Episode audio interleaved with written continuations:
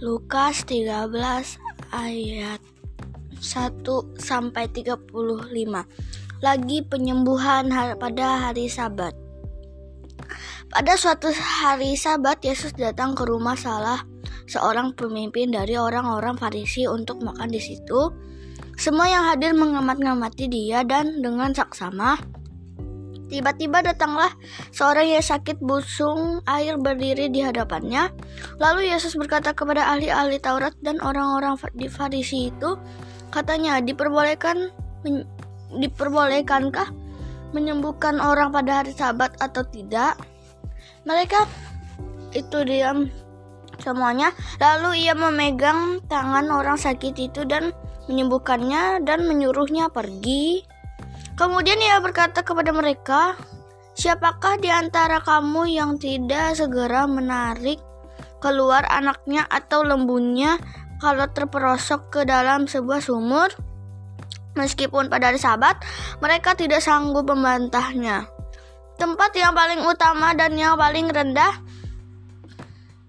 tempat yang paling utama dan yang paling rendah. Karena Yesus melihat bahwa tamu-tamu berusaha menduduki tempat-tempat kehormatan, ia, ia mengatakan perumpamaan ini kepada mereka.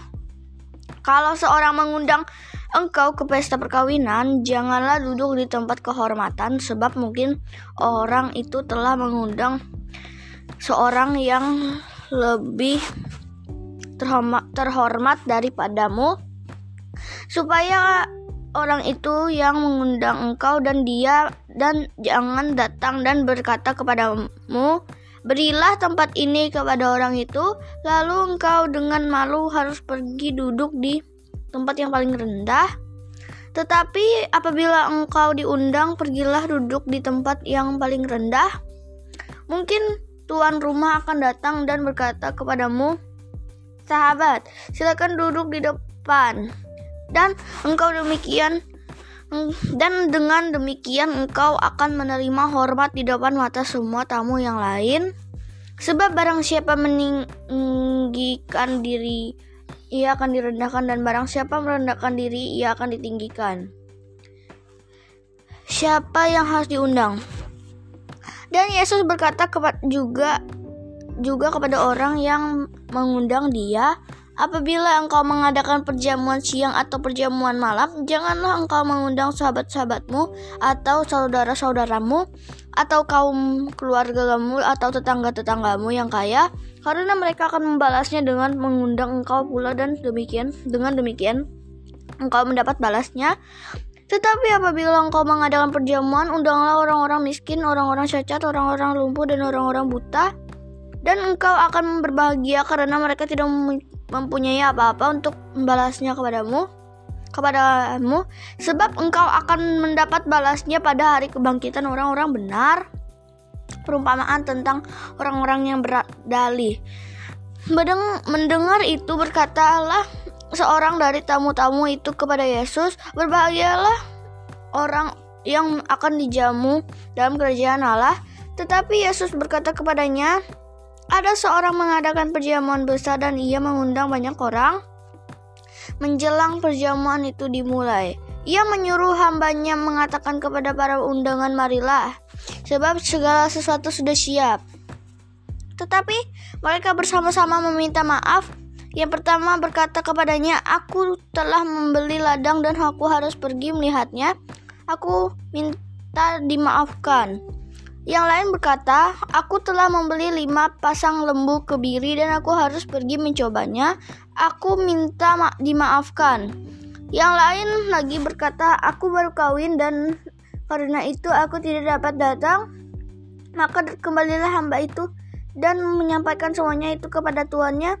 Lalu murka murkalah tuan rumah itu dan berkata kepada hambanya, pergilah dengan segera se ke segala jalan dan lorong kota dan bawalah kemari orang-orang miskin dan orang-orang cacat dan orang-orang buta dan orang-orang lumpuh.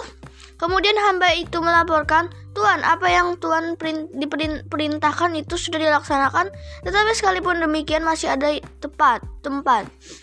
Lalu kata Tuhan itu kepada hambanya, pergilah ke semua jalan dan lintasan dan paksalah orang-orang yang ada di situ masuk karena rumahku harus penuh. Sebab aku berkata kepadamu, tidak ada seorang pun dari orang-orang yang telah diundang itu akan menikmati jamuanku. Segala sesuatu harus dilepaskan untuk mengikuti Yesus. Pada suatu kali banyak orang berduyun-duyun mengikuti Yesus dalam perjalanannya. Sambil berpaling ia berkata kepada mereka, Jikalau seorang datang kepadaku dan ia tidak membenci bapaknya, ibunya, istrinya, anak-anaknya, saudara-saudaranya, laki-laki atau perempuan, bahkan nyawanya sendiri, ia tidak dapat menjadi muridku. Barang siapa tidak memikul salibnya dan mengikut aku, ia tidak akan menjadi muridku. Sebab siapakah di antara kamu yang kalau mau mendirikan sebuah menara tidak duduk dahulu membuat anggaran biayanya. Kalau-kalau cukup uangnya untuk menyelesaikan pekerjaan itu supaya jikalau ia sudah meletakkan dasarnya dan tidak dapat menyelesaikannya jangan-jangan semua orang yang melihatnya mengejek dia. Sambil berkata orang itu mulai mendirikan tetapi ia tidak sanggup menyelesaikannya. Atau raja manakah yang kalau mau berper, pergi berperang melawan raja lain tidak duduk dahulu untuk mempertimbangkan? Apakah dengan 10.000 orang ia sanggup menghadapi lawan yang mendatanginya dengan 20.000 orang? Jikalau tidak ia akan mengirim utusan selama musuh itu masih jauh untuk menanyakan syarat-syarat perdamaian. Demikian pula lah tiap-tiap orang di antara kamu yang tidak melepaskan dirinya dari segala miliknya tidak dapat menjadi muridku? Mak garam memang baik, tetapi jika garam juga menjadi tawar, dengan apakah di, ia diasinkan? Tidak ada lagi gunanya baik untuk ladang maupun untuk pupuk, dan orang membuangnya saja. Siapa mempunyai telinga untuk mendengar, hendaklah ia mendengar.